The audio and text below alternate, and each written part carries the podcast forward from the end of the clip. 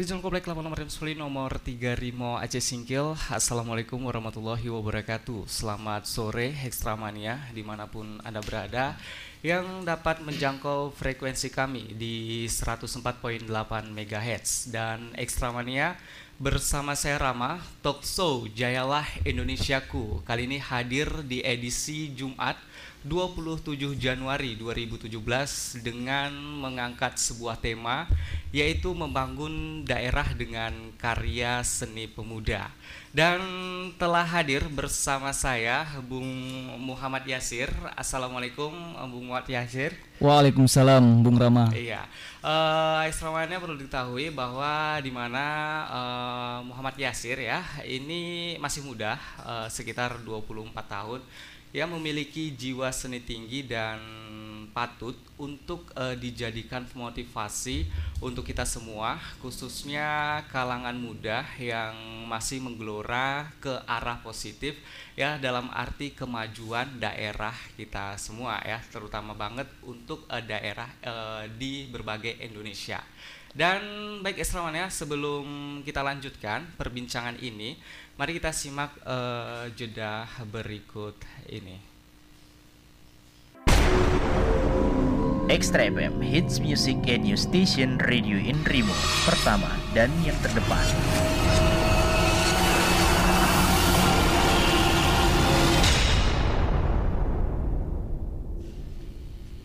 100.8 Extra FM Hits Music and News Station Radio Intrimo dan Extra Mana semua di sana kembali berada di Talk Show Jayalah Indonesiaku dan berhubung tema pada sore kita hari ini membangun daerah dengan karya seni pemuda. Ya kita ketahui kembali bahwa Bung Yasir atau Muhammad Yasir ya ini memiliki jiwa seni yang sangat tinggi Uh, banyak yang akan kita perbincangkan ya di sore hari ini. Di antaranya um, langsung aja nih ya, Bung Yasir.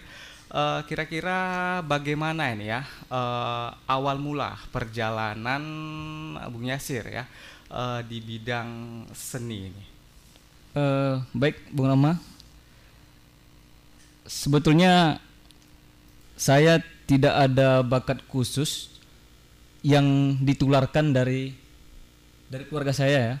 Cuman ketika SD saya sudah dipercayakan ketika itu untuk menjadi salah satu peserta lomba dari perwakilan SD saya ya, SD 2 waktu itu SD 2 Rimo, sekarang di Lebutar. Alhamdulillah sampai ke tingkat kabupaten saya juara satu. Nah, di situ saya juga dipercayakan untuk mewakili Kabupaten Singkil ke provinsi.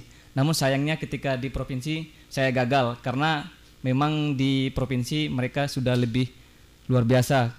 Ketika kelas 1 SMP juga seperti itu. Saya menang terus di kabupaten. Uh, akhirnya saya mewakili lagi ke tingkat provinsi. Waktu itu yang SD di Banda Aceh, yang kelas 1 SMP di Biren. Kelas 2 SMP juga seperti itu. Saya mewakili Kabupaten Aceh Singkil uh, untuk berlomba di tingkat provinsi yang kelas 2 SMP itu di Banda Aceh.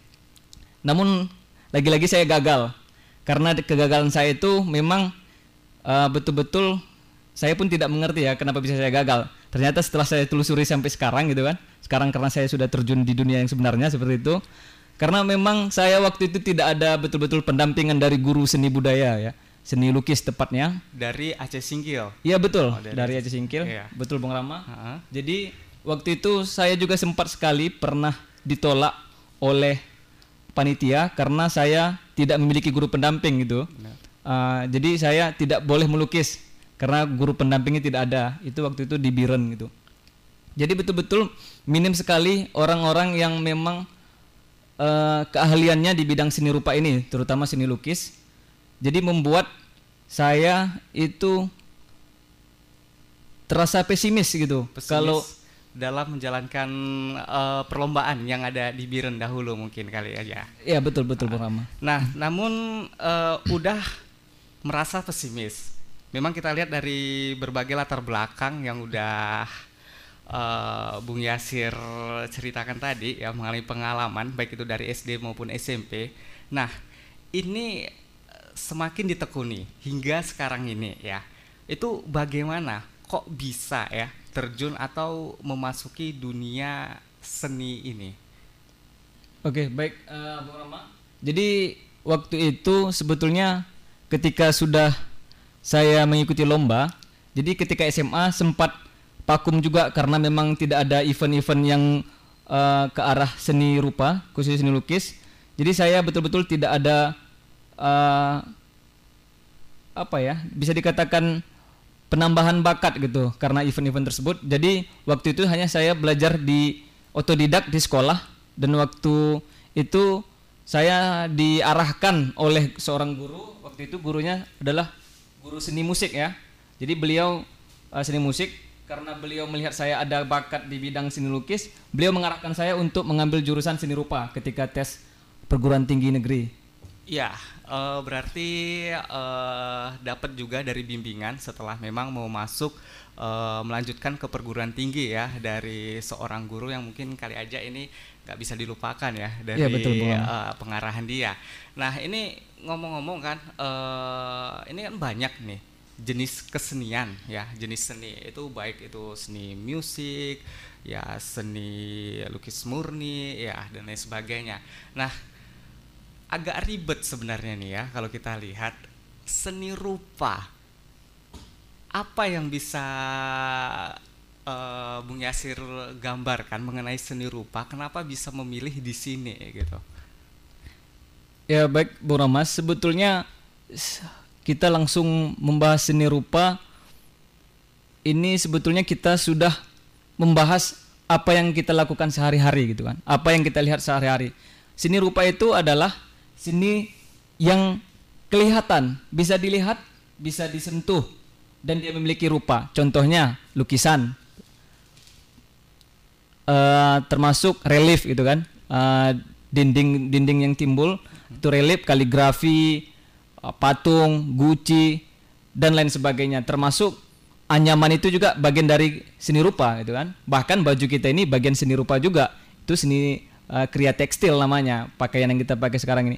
Jadi apa yang dilihat oleh mata kita yang dihasilkan oleh karya seni maka itu disebut dengan seni rupa itu. Oh, seperti itu Bung Rama. Seperti itu ya. Memang sebenarnya banyak banget apa yang namanya seni rupa itu ya uh, dari banyak jenisnya gitu ya, banyak hal-halnya. Dan itu tadi sedikit banyaknya mengenai yang ditekuni saat ini Eksraman ya uh, mengenai seni rupa ya yang dilakoni oleh uh, kebanggaan kita, daerah kita Aceh Single terutama ya, karena belum ada banget yang seperti ini. Oke, selama ntar perbincangan akan kita lanjutkan dengan berbagai hal ya, terutama kembali seperti tema untuk membangun uh, karya pemuda Aceh Singkil ini untuk lebih melejit ke Indonesia. Baik, tetap di 148 Extra FM. Oke, sekarang kembali berada di talk show Jayalah Indonesiaku dan masih bersama saya Rama dan juga bersama narasumber yang sangat hebat banget uh, Bung Yasir. Nah, uh, kalau berbicara dengan seni rupa ya yang memang kali ini difokuskan sekali oleh Bung Yasir uh, mengenai untuk kali aja karirnya ya bisa dikatakan seperti itu dan jarang sekali gitu di Aceh Singkil ini. Nah, Uh, kembali ingin aku tanyain uh, kepada Bung Yasir, kira kira-kira prestasi ini ya udah banyak sekali hal-hal yang dilakoni. Ya baik itu latar belakang yang nggak enak baik itu dari SD SMP dan seterusnya. Nah ini sejauh ini sampai sekarang ini ya prestasi apa aja itu ya yang sudah diraih Uh, baik, terima kasih Bung Rama. Uh, sejauh ini uh, saya flashback lagi ke belakang ya. SD saya mewakili ke provinsi, SMP kelas 1 ke provinsi juga, S S SMP kelas 2 ke provinsi. Terakhir kemarin tahun 2014 saya juara satu di kampus USU Universitas Sumatera Utara untuk lomba kaligrafi kontemporer. Wow, luar biasa sekali. Dan ya. berikutnya kemarin bulan 9 saya pameran di Manado, Sulawesi Utara, itu PBSR namanya, Kementerian Pendidikan dan Kebudayaan yang mengadakan bulan 10 itu pameran di Banda Aceh, Taman Taman Budaya Banda Aceh dan bulan 11 ini kemarin saya pameran di Jambi, Provinsi Jambi, itu Kementerian Kebudayaan yang mengadakan dan alhamdulillah besok bulan 2 ini akan pameran di Jogja, pameran Move Art 4 temanya di Jogja. bulan Februari mendatang. Februari, bulan wow, luar biasa Ya. sekali ya.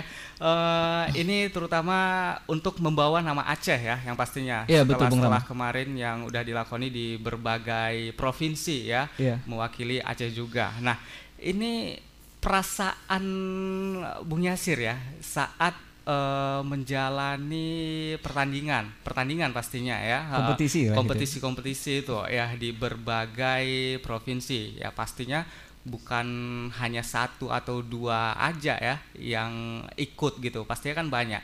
Ini apa gitu yang menjadi motivasi tersendiri? Karena pastinya kan banyak itu ya orang-orang di luar sana gitu.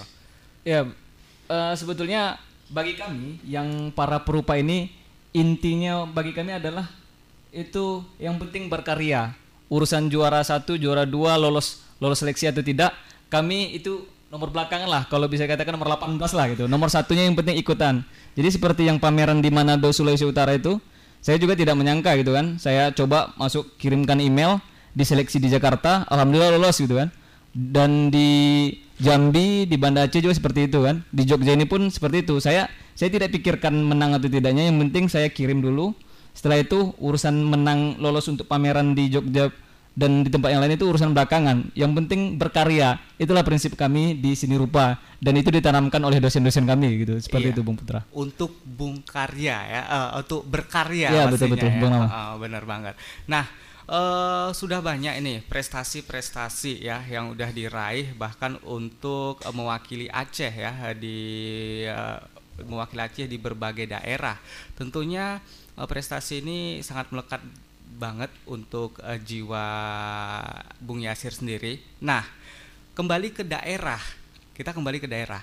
Sejauh ini kira-kira bagaimana pandangan Bung Yasir terhadap pemuda Aceh Singkil?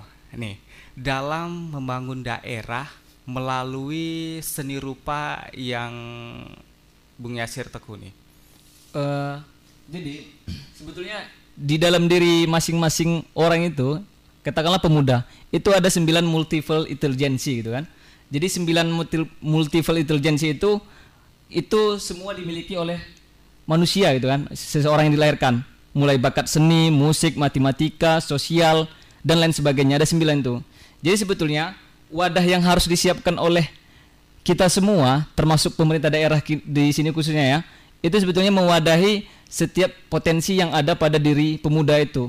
Jadi kalau pemuda itu diwadahi dengan potensinya masing-masing dengan minat dan bakatnya saya yakin kita akan lebih cepat bergerak maju ketimbang uh, kabupaten yang lain gitu kan.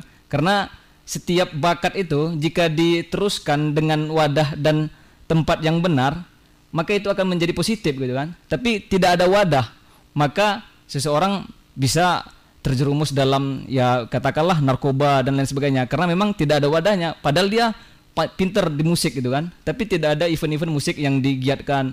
Dia pinter di seni rupa seni lukis. Tapi tidak ada pewadahan di bidang seni lukis. Ya jadi terbuang seperti itu saja. Bayangkan saya sekarang aja teman-teman seangkatan saya yang saya tahu ya yang ambil seni rupa ya. Saya yang angkatan 2011 baru saya. Yang di bawah saya ada satu di Medan. Yang satu lagi eh itu di ISBI Banda Aceh. Itu Sebu Salam ya perempuan. Di- dan di Medan perempuan juga. Baru saya baru itu yang saya tahu ambil seni rupa ya. Itu seni lukisnya. Seperti itu Bung Rama. Iya, eh, ini kembali tadi ada kata wadah ya untuk pastinya mengayomi, untuk mendukung eh, dari prestasi-prestasi yang udah kita capai ya, terutama banget. Kalau wadah ini seandainya ada gitu ya, eh, tertuang atau juga memiliki eh, motivasi sendiri, jadi untuk anak muda kita ya di bidang seni rupa. Eh, kira-kira bisa nggak ya eh, Bung Yasir untuk eh, mengajak kali aja ya mengajak para para pemuda-pemuda lainnya untuk ikut andil gitu dalam seni rupa. Dalam arti kita juga harus mencari wadah untuk membangun daerah kita ini. Seperti itu. Bagaimana tanggapan eh, Bung Yasir sendiri? Sebetulnya sejauh ini sudah banyak sih adik-adik uh, yang di SMA ya junior saya dulu.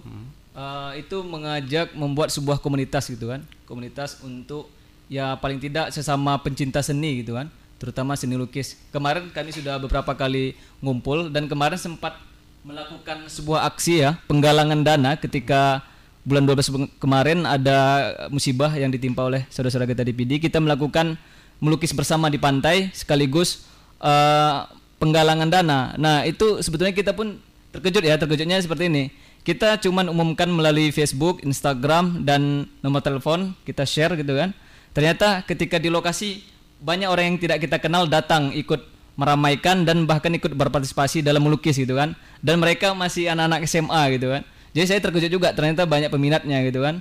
Jadi sejauh ini sebetulnya pewadahan dah dan itu ke depannya kami berencana juga akan membuat uh, sebuah komunitas ya memang sejauh ini belum berbadan hukum cuman kita sudah ada beberapa orang yang sudah secara sukarela untuk ikut bergabung ya terutama dalam pewadahan seni rupa khususnya seni lukis ya seperti itu Bung Rama Iya, itu khususnya untuk di daerah kita di Aceh Singkil ya. iya betul Iya, benar banget. Nah, eh, semoga aja ya eh, tetap berkembang dan maju eh, dalam arti mereka-mereka yang memang udah ikut berpartisipasi ya dalam arti kembali untuk membangun daerah kita ya tetap berjaya. Oke, ekstramannya eh, sesaat lagi akan kita bahas mengenai perbincangan-perbincangan tetap di 148 Extra FM.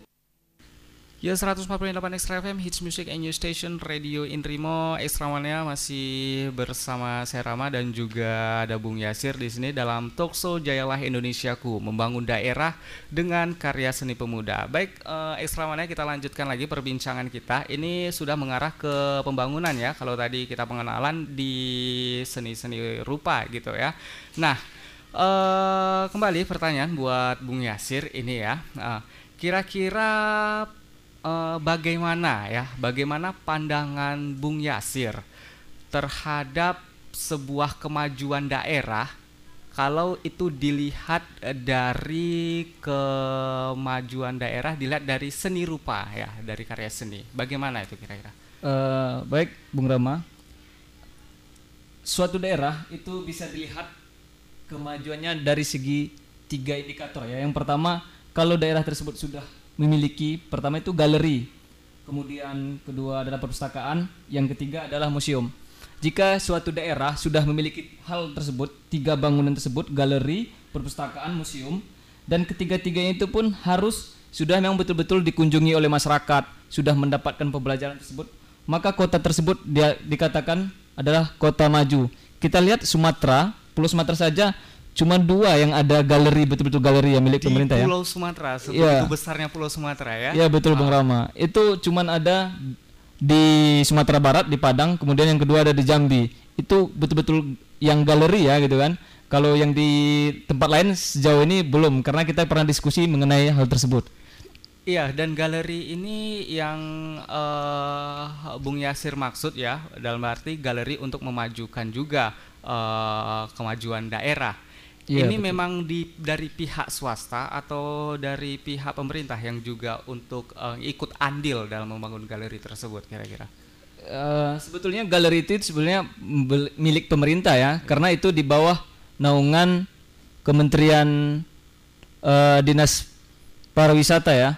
Eh, kalau di kota itu mungkin dikatakan eh, di bawah naungan Taman Budaya gitu kan. Taman Budaya itu atasannya adalah eh, Dinas Pariwisata gitu kan. Jadi itu milik pemerintah. Memang dari milik pemerintah Iya, betul, ya, di- betul. dan dari pemerintah untuk disalurkan ke anak-anak muda yang memiliki karya seni ya, memiliki seni-seni rupa dan diletakkan di museum, di galeri-galeri yang intinya eh, kota tersebut memang menjadi terkenal ya, bahkan di Sumatera cuma dua ya, eh, betul, di Padang dan juga di Jambi. Iya. Nah, eh, kembali eh, mengenai pembangunan ya, merujuk ke pembangunan-pembangunan untuk ke daerah kita.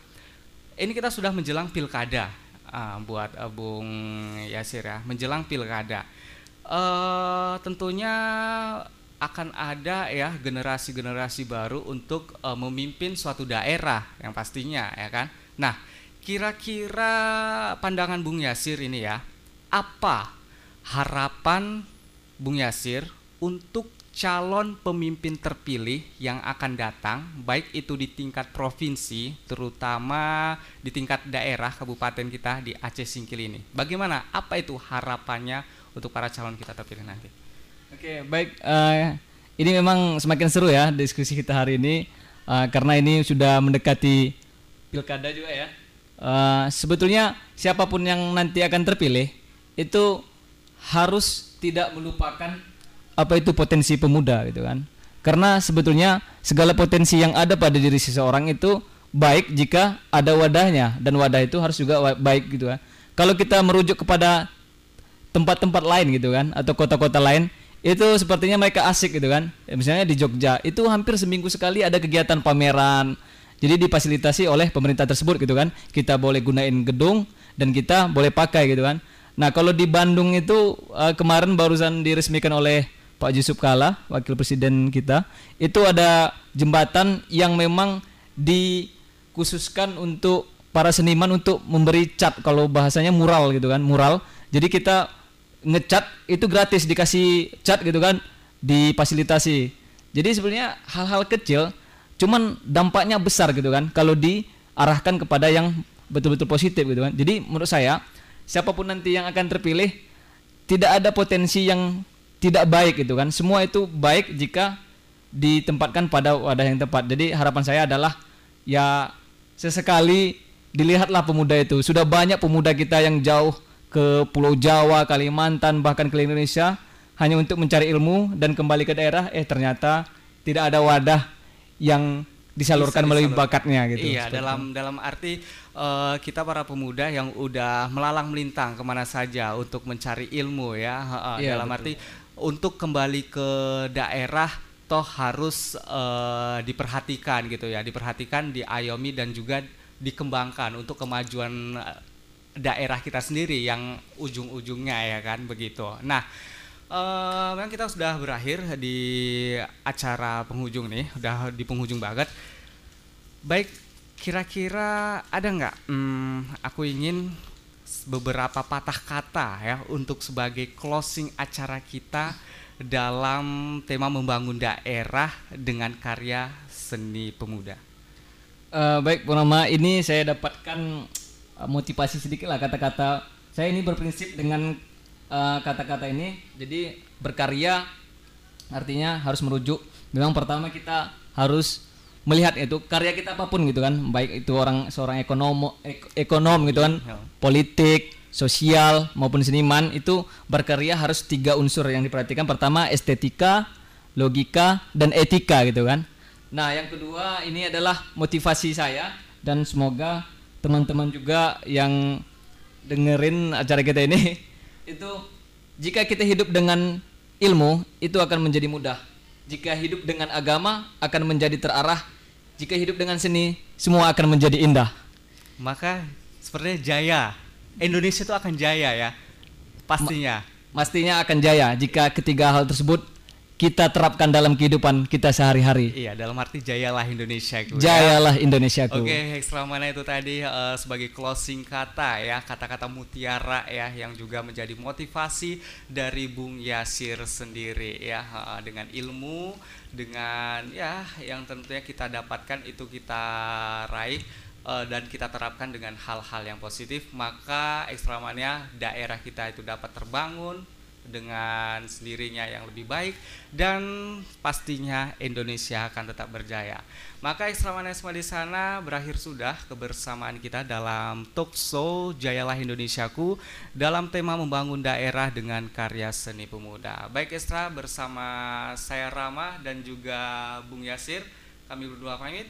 Assalamualaikum warahmatullahi wabarakatuh. Waalaikumsalam warahmatullahi wabarakatuh.